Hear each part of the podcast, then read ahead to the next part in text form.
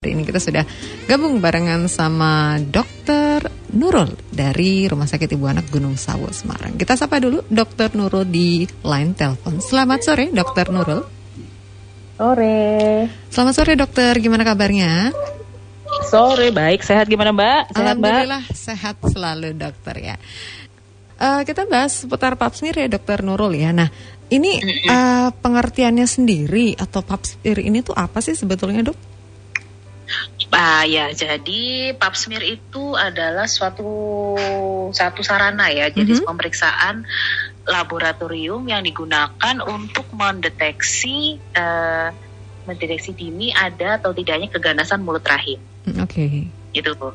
Uh, jadi caranya gimana? Caranya mm -hmm. adalah kita mengambil contoh uh, di sel yang mm -hmm. diambil namanya secara scraping dari mulut rahim hmm. dari cervix. Nah, hmm. nanti kemudian dilihat secara patologi anatomi kita lihat adakah perubahan sel yang mencenderung ke arah ganas atau tidak gitu. Hmm. Paling gampangnya itu. Hmm. Hmm. Oke. Okay. Nah, uh, kapan sih dok seorang wanita ini perlu buat periksa pap smear gitu?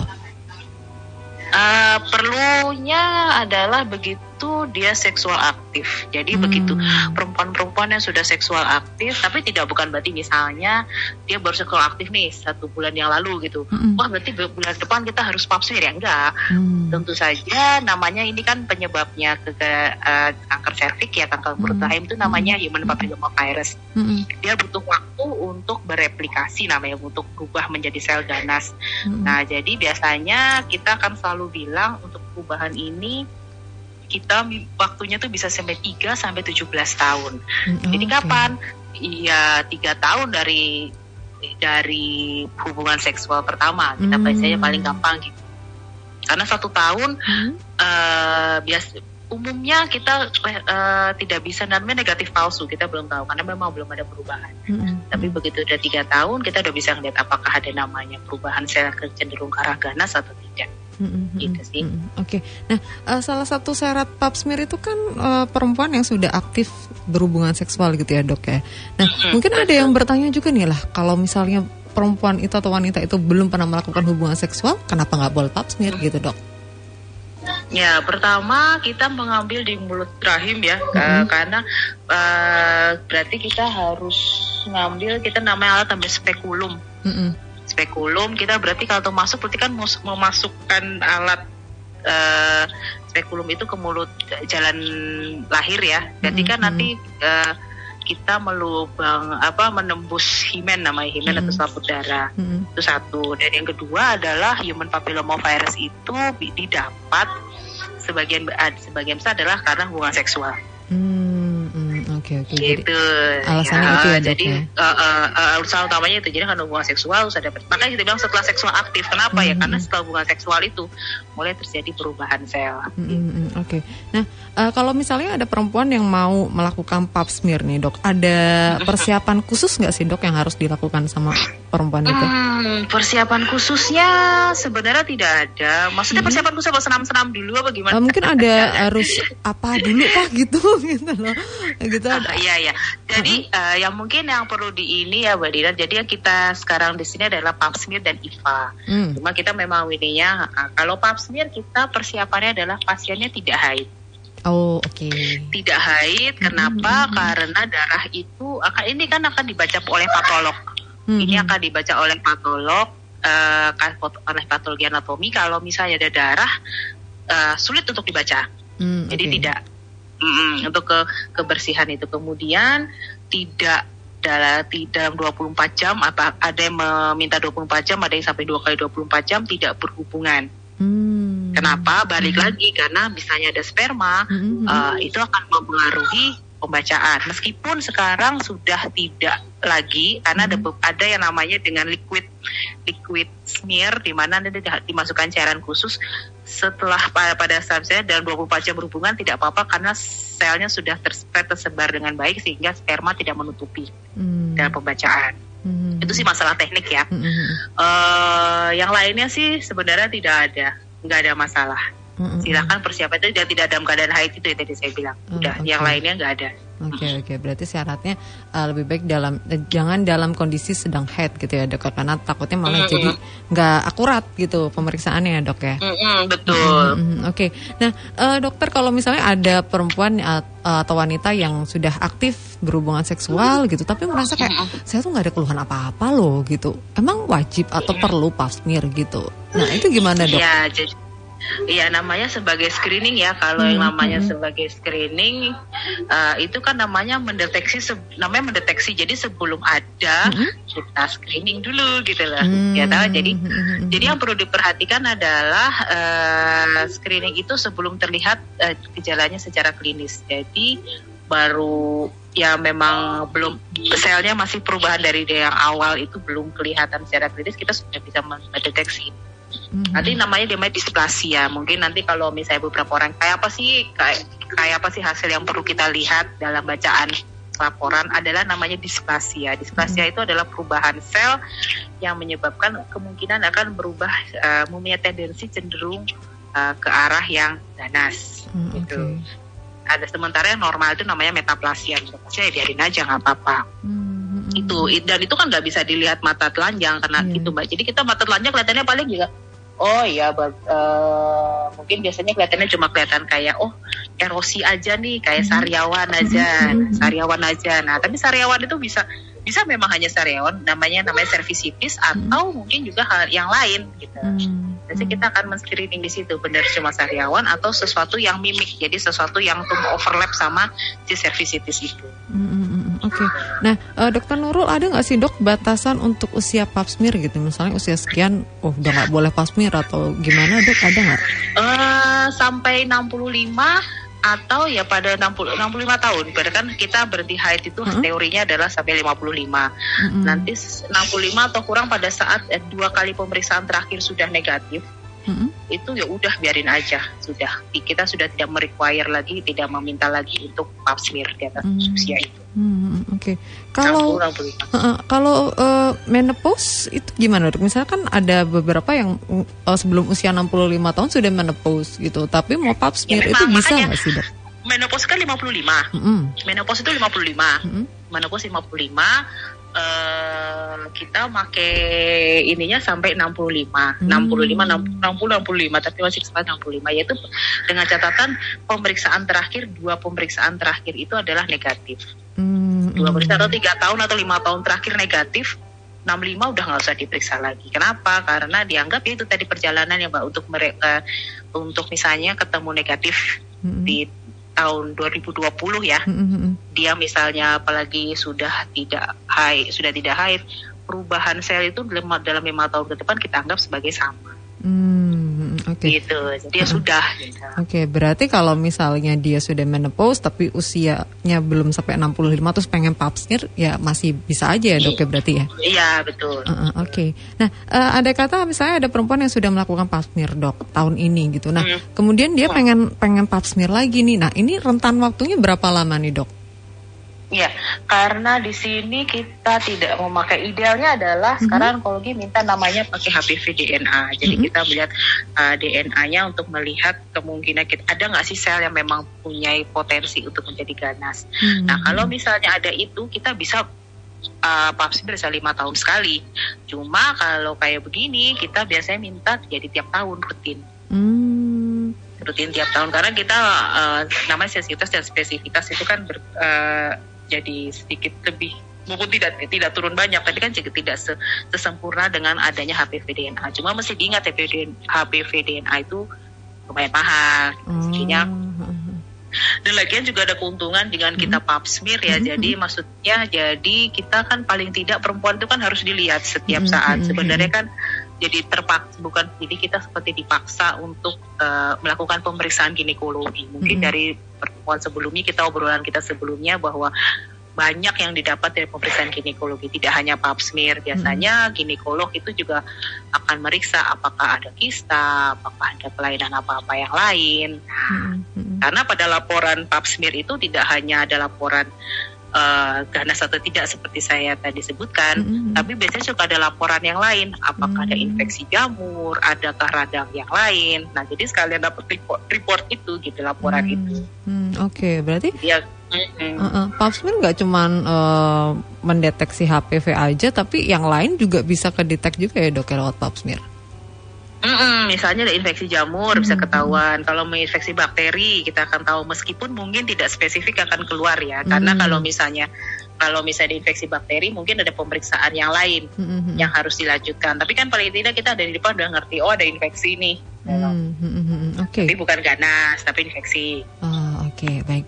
Nah, eh, Dokter Nurul, masih kan ada beberapa nih yang eh, perempuan yang belum pernah melakukan pap smear gitu. Terus eh, pap smear itu diapain sih? Terus sakit atau enggak gitu loh, Dok? Nah, ini gimana Dokter Nurul? Pap smear itu nanti mungkin eh, saya gimana ya ngomongin namanya alatnya cucur bebek itu dimasukkan eh mau beberapa perempuan yang sebelum pernah biasanya pasti dokter akan atau smear dikerjakan oleh dokter sih ya. Jadi Mm-mm, jadi dokter mm-mm. boleh nggak harus ke dok harus nggak harus dokter kebidanan, dokter umum Mm-mm, juga mm-mm. akan bisa. Kita akan memperkenalkan alat yang namanya spekulum. Silahkan di sekarang sudah era teknologi ini di googling namanya spekulum Hmm, hmm, spekulum vagina itu seperti apa namanya spekulum cocor bebek yang berfungsi yang akan dimasukkan ke uh, jalan lahir yang berfungsi untuk membuka hmm. membuka jalan lahir supaya kita mempunyai visualisasi langsung ke mulut rahim Hmm, hmm. bisa saya masuk ke mulut rahim supaya habis itu baru kita setelah melihat biasanya nanti dokter akan menilai mulut rahimnya tadi saya bilang ada sariawan atau tidak mulus atau tidak hmm. beberapa bahkan uh, beberapa uh, dokter dokter kandungan mempunyai alat yang untuk melihat ini kira-kira bahkan uh, ada neovaskularisasi ada vaskular pembuluh darah yang tambahan yang memungkinkan kita mencurigai misalnya Hmm, hmm, hmm. ada perubahan sel. Nah, habis itu diambil dengan alat namanya spatula air bisa, bisa namanya scrap brush bisa untuk diambil nah, contoh sel di mulut rahim. Hmm. Gitu. Kemudian di spread di nama disebar namanya dioleskan di kaca periksa dan dikirimkan ke patologi anatomi di laboratorium Hmm, hmm, hmm. gitu. Hmm, Oke. Nah, sakit nggak sih dok di pap smear itu? Pap smearnya tidak, masukin alatnya tuh beberapa orang tidak nyaman. Oh. Pap smearnya tidak, Hmm, kan hmm, alatnya itu kan alatnya itu sekarang ada yang masih ada yang bentuk stainless steel atau eh, plastik disposable. hmm, Apa pun itu dua-duanya pasti tidak nyaman. hmm. Apalagi orang-orang yang belum pernah melakukan persalinan. Hmm, Oh, oke. Ya, berarti rahimnya oh, oh, itu kan lumayan walaupun kita memakai ukuran yang kecil gitu Mm-mm. tetap aja rasa tidak nyaman kemudian ya sungkan sama pemeriksa mungkin meskipun meskipun pemeriksaannya perempuan misalnya dokternya perempuan gitu rasa sungkan Hmm. jadi uh, jadi kaku jadinya ya ya Mm-mm. gak nyamannya di situ Hmm, oh, untuk oke. mengambil sampelnya sih nggak ada rasanya Oh, Oke. sampelnya tuh nggak ada diambil nggak ada rasanya mungkin masukin alatnya itu, itu memang Hmm. sangat uh, menciptakan kenyamanan untuk pasien ya, itu Mm-mm. sih umum aja biasa aja sih Mm, mm, mm, Oke. Eh, nah dokter kalau misalnya ada yang sudah habis pap smear, nah ini apakah mem- harus eh, diopnamkah atau mungkin boleh langsung pulang dan apakah ada larangan-larangan tertentu sih dok setelah pap smear? enggak itu pemeriksaan itu dikerjakan di di klinik di biasa Hmm. konsultasi biasa langsung Mhm. eh, pulang nggak ada masalah seperti kita periksa dokter dokter biasa aja nggak ada apa-apa Oh oke, berarti itu bisa bukan oh, oh, pulang. ya? bukan sesuatu one day care pun juga tidak Hmm. kayak biasa periksa biasa Hmm, hmm, hmm, hmm. Hmm, Oke, nah ada pantangan-pantangan nggak sih dok? Biasanya setelah pap smear misalnya nggak boleh eh, berhubungan intim dulu atau bagaimana gitu? Oh enggak, enggak ada, enggak ada pantangan apa-apa. Ini hanya pemeriksaan kayak kita ngambil darah aja, mbak ambil darah, selesai pulang ya pulang. Oh, Oke, Nah, berarti biasa aja ya, nggak nggak ada Heeh. nggak ada eh, prosedur khusus setelah pap smear gitu ya dok ya? iya betul, Uh-uh, oke. enggak ada. Nah, eh, mungkin ada beberapa yang eh, bertanya-tanya nih dok kan ini kan pap smear kan eh, sebetulnya spesifiknya adalah dia mendeteksi HPV, tapi kan juga bisa kedetek yang lain-lain gitu ya dok ya. Nah, Mm-mm. mungkin ada yang bertanya akurat nggak sih pap smear itu dok? Pap smear ini karena keakuratannya, keakuratan pap smear ini eh, sensitivitas dan sensitivitasnya di atas 90%. Mhm. Yang perlu diperhatikan adalah yang namanya deteksi dini itu adalah misalnya masuk stadium lesika kanker ya, Mhm. itu dia bisa mendet eh, survival rate kita bicara kanker survival rate hampir mencapai 100%. Hmm. Jadi sangat baik kayak gitu loh. Maksudnya apa sih kan yang kita lihat hasilnya ya. Hasilnya kalau kita ada kedeteksi ganas itu dia bisa mencapai 9 eh, di atas 90 persen. Gitu. Hmm. Jadi nah itu yang makanya dikerjakan gitu. Hmm, hmm, Oke, nah eh, ada juga mungkin yang bertanya-tanya bedanya pap smear sama IVA test itu apaan sih dok sebetulnya? Nah iya, jadi eh, jadi gini, beberapa ada yang bilang bahwa eh, kita memang mengerjakan sekarang kita menggalakkan juga IVA. Kenapa? IVA itu eh, kita mesti melihat bahwa di tidak semua bisa mengakses untuk melakukan pap smear. Hmm. Jadi gini, eh, semua sama dalam intinya adalah pap smear dan IVA adalah melihat perubahan sel. Oke. Itu perlu dicatat ya. Jadi Hmm, hmm, Nah, cuma pap smear itu dilihat oleh dokter patologi. hmm, Dokter hmm, patologi spesialis patogenotomi berarti dia terjadi eh, yang sebentar IPA tes itu bisa dikerjakan oleh bidan yang ditraining oleh dokter onkologi, hmm, Oke. dokter kanker bedah, Hmm. dokter ginekologi kanker, ginekologi onkologi. Hmm, Jadi eh, teorinya adalah bis, hasilnya harusnya sama hmm. hasilnya harusnya harus sama tapi ya harus diaku eh, kalau ini kalau bisa sih kalau saya sih untuk untuk detek untuk awal sebenarnya pap smear itu bagus. Kenapa? Hmm, karena hmm. pertama kita mendapatkan report secara tertulis. Hmm, Oke. dapat report seperti tadi saya bilang ada Hmm. metaplasia displasia gini nah terus kalau IVA itu jadi IVA apa? Prosesnya sama. Hmm, prosesnya itu di tadi saya masukin spekulum kemudian eh, mulut rahim itu dikasih bukan dikasih ya namanya kan dikompres hmm, dikompres larutan asam asetat dengan konsentrasi tertentu hmm, kemudian dilihat apakah ada atau tidak perubahan warna hmm, pada eh, mulut rahim hmm. perubahan warna tertentu nah jika ada nah itu berarti harus dirujuk ke dokter kandungan Hmm. gitu Hmm, hmm, hmm. Oke. gitu kira-kira Oke. Mungkin ada yang ada yang membandingkan nih dok ya pap smear sama IVA. Bagusan mana sih atau sebetulnya sama aja? Garis besar ya dok atau gimana? untuk jika ditrain dengan dengan ditraining dengan dengan benar Mhm. dengan komposisi sama mestinya sama Hmm, Oke. itu masalahnya Mhm. harus ditraining yang sama gitu dengan ditraining yang benar ya harus Mhm, harus harus ada yang uh, kata uh, sensitivitas dan spesifisitas, sensitivitas dan spesifisitasnya itu hampir sama. Hmm, hmm, uh, jika di, mendapatkan training yang benar dan sama itu Hmm, jawabannya itu hmm, Pak. hmm. Oke oke. Asalkan kalau misalnya di trainingnya udah benar sesuai dengan prosedur, Betul. eh, Eh, eh, sama lah ya hasilnya gitu. Sensitivitasnya sama Uh, ya uh. antara pap smear sama Uh, IVA. jadi nggak bisa oh bisanya dilak- or, IVA yang dilakukan oleh orang yang misalnya melahirkan pernah belum pernah mendapatkan training Oh, oke. atau mendapatkan trainingnya cuma lihat dari YouTube gitu loh Mm, lihat mm, itu wah mm, jangan Hmm, karena variasinya itu banyak sekali hmm, oke. bahkan maka uh, uh, bahkan uh, ya itu harus dia memang sudah mendapatkan ACC dari dokter ginekologi uh, dokter kanker Hmm, oke. ginekologi onkologi karena bagaimanapun juga mereka tetap akan merujuk ke ke mereka ke Hmm. beliau-beliau itu Hmm, hmm, Oke. Nah, eh, kalau misalnya yang melakukan IVA ini belum di training dengan baik, dok, karena kan ya kita nggak bisa menjamin semua orang uh, dapat well training gitu kan ya, dok. Mungkin ada yang iya uh, training yang nggak benar atau bagaimana, kemudian dia melakukan IVA. Nah, ini berbahaya atau bagaimana nih, dok? Resikonya bagaimana? ya resikonya kan jadi miss jadi miss ya Hmm. jadi miss eh, jadi miss biasanya untuk menyikapi begitu Hmm. biasanya tapi kan ya, menyikapi begitu kami bukannya harus di, harus harus satu harus di garis bawahi Hmm, mbak di net bawah hmm. Kita tuh tidak semua bisa mengakses ke kesehatan yang seperti Iya. kita inginkan Betul, betul. ini kita mencapai berusaha mencapai ke perifer itu Hmm. adalah supaya kita bisa merangkul sebanyak banyaknya Hmm, hmm, pasien Mm-mm. maksudnya yang supaya nggak kita nyampe soalnya sampai di rumah sakit besar biasanya sudah stadium lanjut Oh. di mana udah telat gitu kan jadi kita Mm-mm. maksudnya sedini mungkin pasien ini bisa kita kita mas kita ambil gitu ya Hmm, supaya hmm, hmm, hmm, menurunkan resiko hmm. Nah biasanya kalau misalnya kayak begitu biasanya kita tetap combine.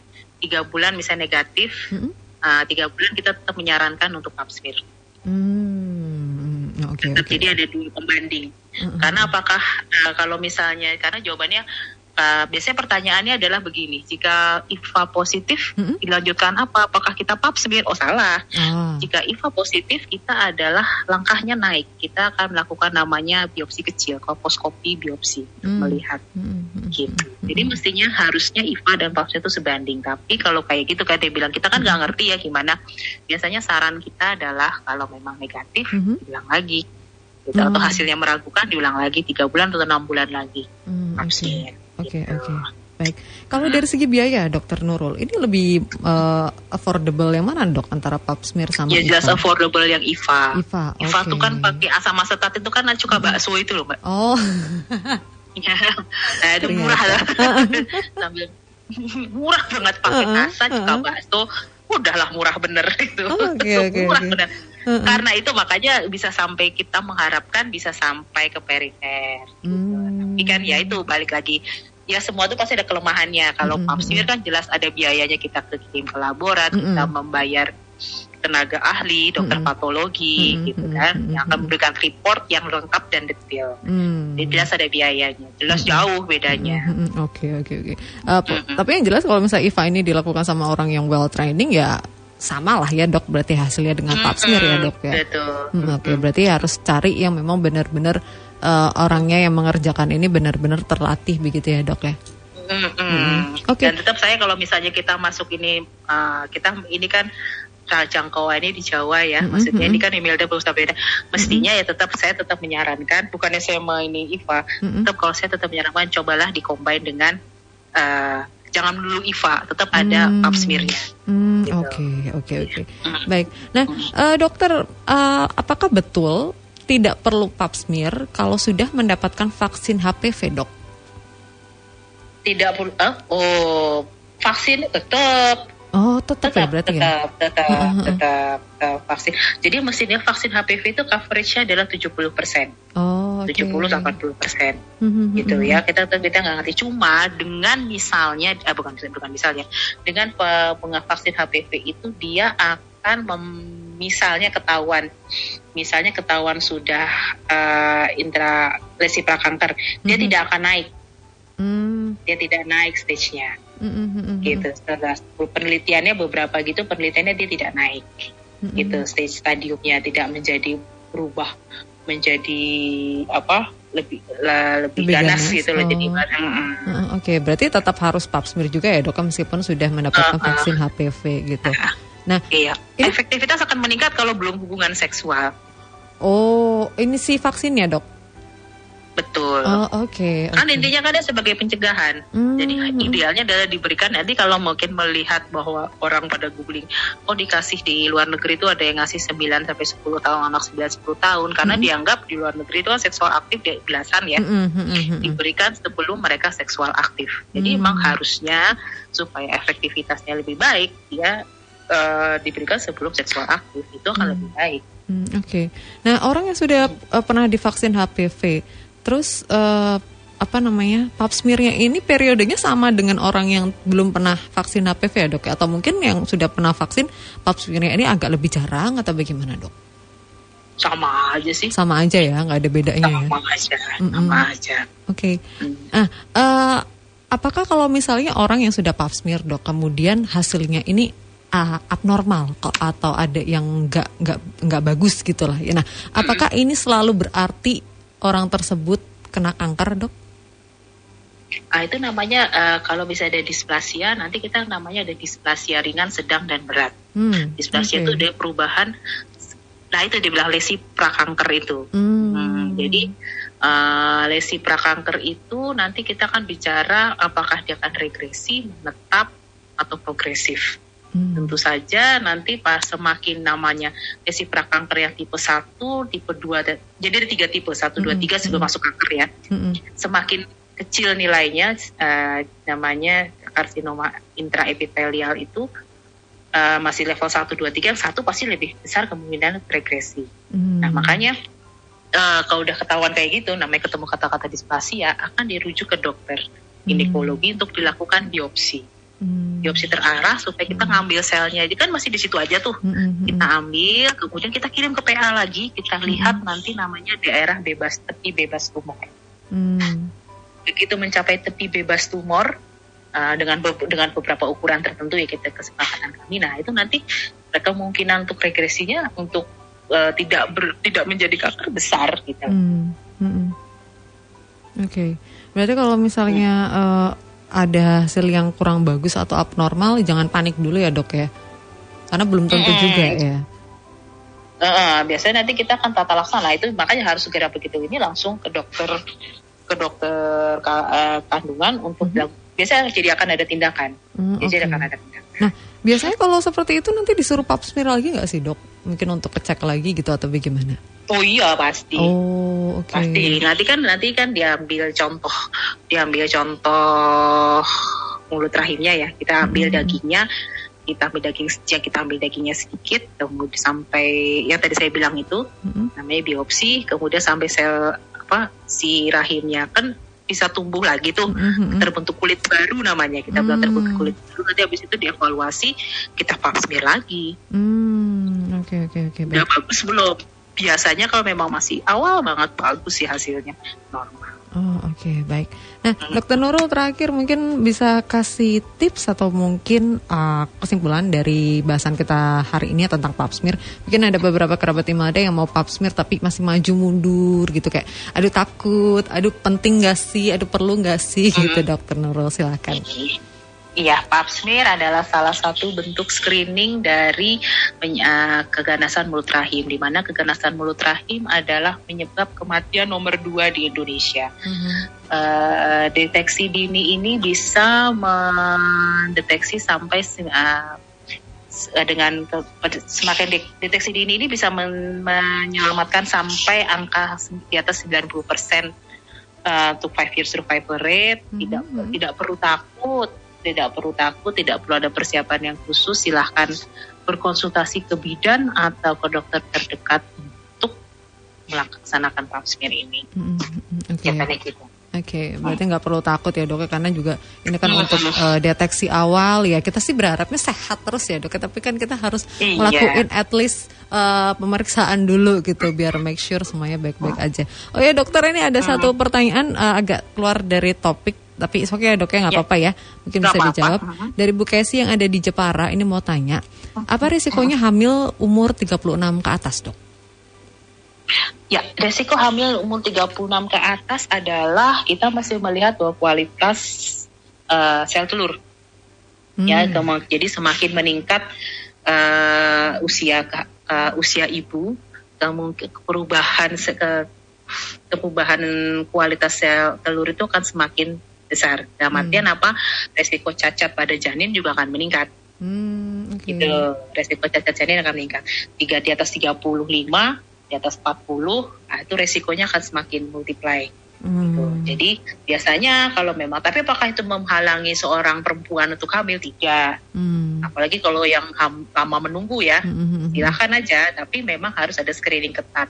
Hmm. Biasanya kita akan melakukan screening apalagi di area era pandemi gini ya tapi hmm. palingnya tetap kita sudah dari POGI sudah mengeluarkan uh, reng-rengan namanya rancangan hmm. bahwa untuk kita tetap ada screening dan pertemuan ke dokter kandungan untuk screening 12 minggu 20 minggu dan kemudian trimester berikutnya sesuai dengan apa temuan dokter. Hmm, Oke, okay. berarti kalau gitu. uh, wanita-wanita yang hamil di usia 36 ke atas ini uh, pemeriksaan rutinnya lebih ketat daripada yang hamil di bawah usia 36 ke bawah ya dok ya? Uh, jadi gini, kalau misalnya 36 itu kita tetap sama sih, Mbak. Uh -huh. 12 uh -huh. minggu kita lihat adakah cacat besar. Jadi uh -huh. 12 minggu itu biasanya kita selalu bilang adakah cacat kongenital major. Major itu uh -huh. jadi kelihatan uh -huh. uh, bakal uh, ya besar lah kelihatan uh -huh. gitu. Kemudian 20 minggu kita ngelihat yang subtle yang kelihatannya kan udah jadi semua tuh, hmm. udah jadi semua faktor misalnya resiko mungkin nanti akan terjadi hidrosefalus atau hmm. mungkin nanti syndrome down yang sesuatu yang mungkin sangat subtle hmm. yang ya, 20 20 biasanya kalau misalnya nggak kelihatan masih ini 20 kemudian 24 atau 28 minggu screening keduanya. Hmm. Gitu. Nah, biasanya kalau hamil pertama 36 apa sih resikonya termasuk juga resiko penyakit. Oh, okay. Misalnya adalah preeklamsia. Hmm preeklamsia itu anak terutama anak pertama ya, anak mm -hmm. pertama di atas 35 mm-hmm. atau anak kedua tapi jaraknya lebih dari 10 tahun misalnya Mm-mm. atau mendekati 10 tahun Mm-mm. mungkin adalah preeklamsia. Kenapa? Balik lagi ke kualitas kesehatan di perempuan itu memang ada perubahannya sih soalnya. Mm-mm. Wah, paling sehat itu kan teorinya adalah hamil 20 sampai 30. Mm-mm. Setelah 30 itu ya risiko-risiko itu akan meningkat. Jadi butuh pengawasan. Mm-mm. Oke, baik. Ah, baik, Bu Kesi, semoga terjawab ya pertanyaannya dari Bu Kesi tadi. Dan Dokter Nurul, terima kasih sudah berbagi di kesempatan sore hari ini, Dokter. Semoga bisa ketemu Terima lagi kasih. di kesempatan lain dengan tema bahasan lain ya, Dok ya. Selamat sore, Dokter Iya. Nurul. Terima kasih. Sore, ya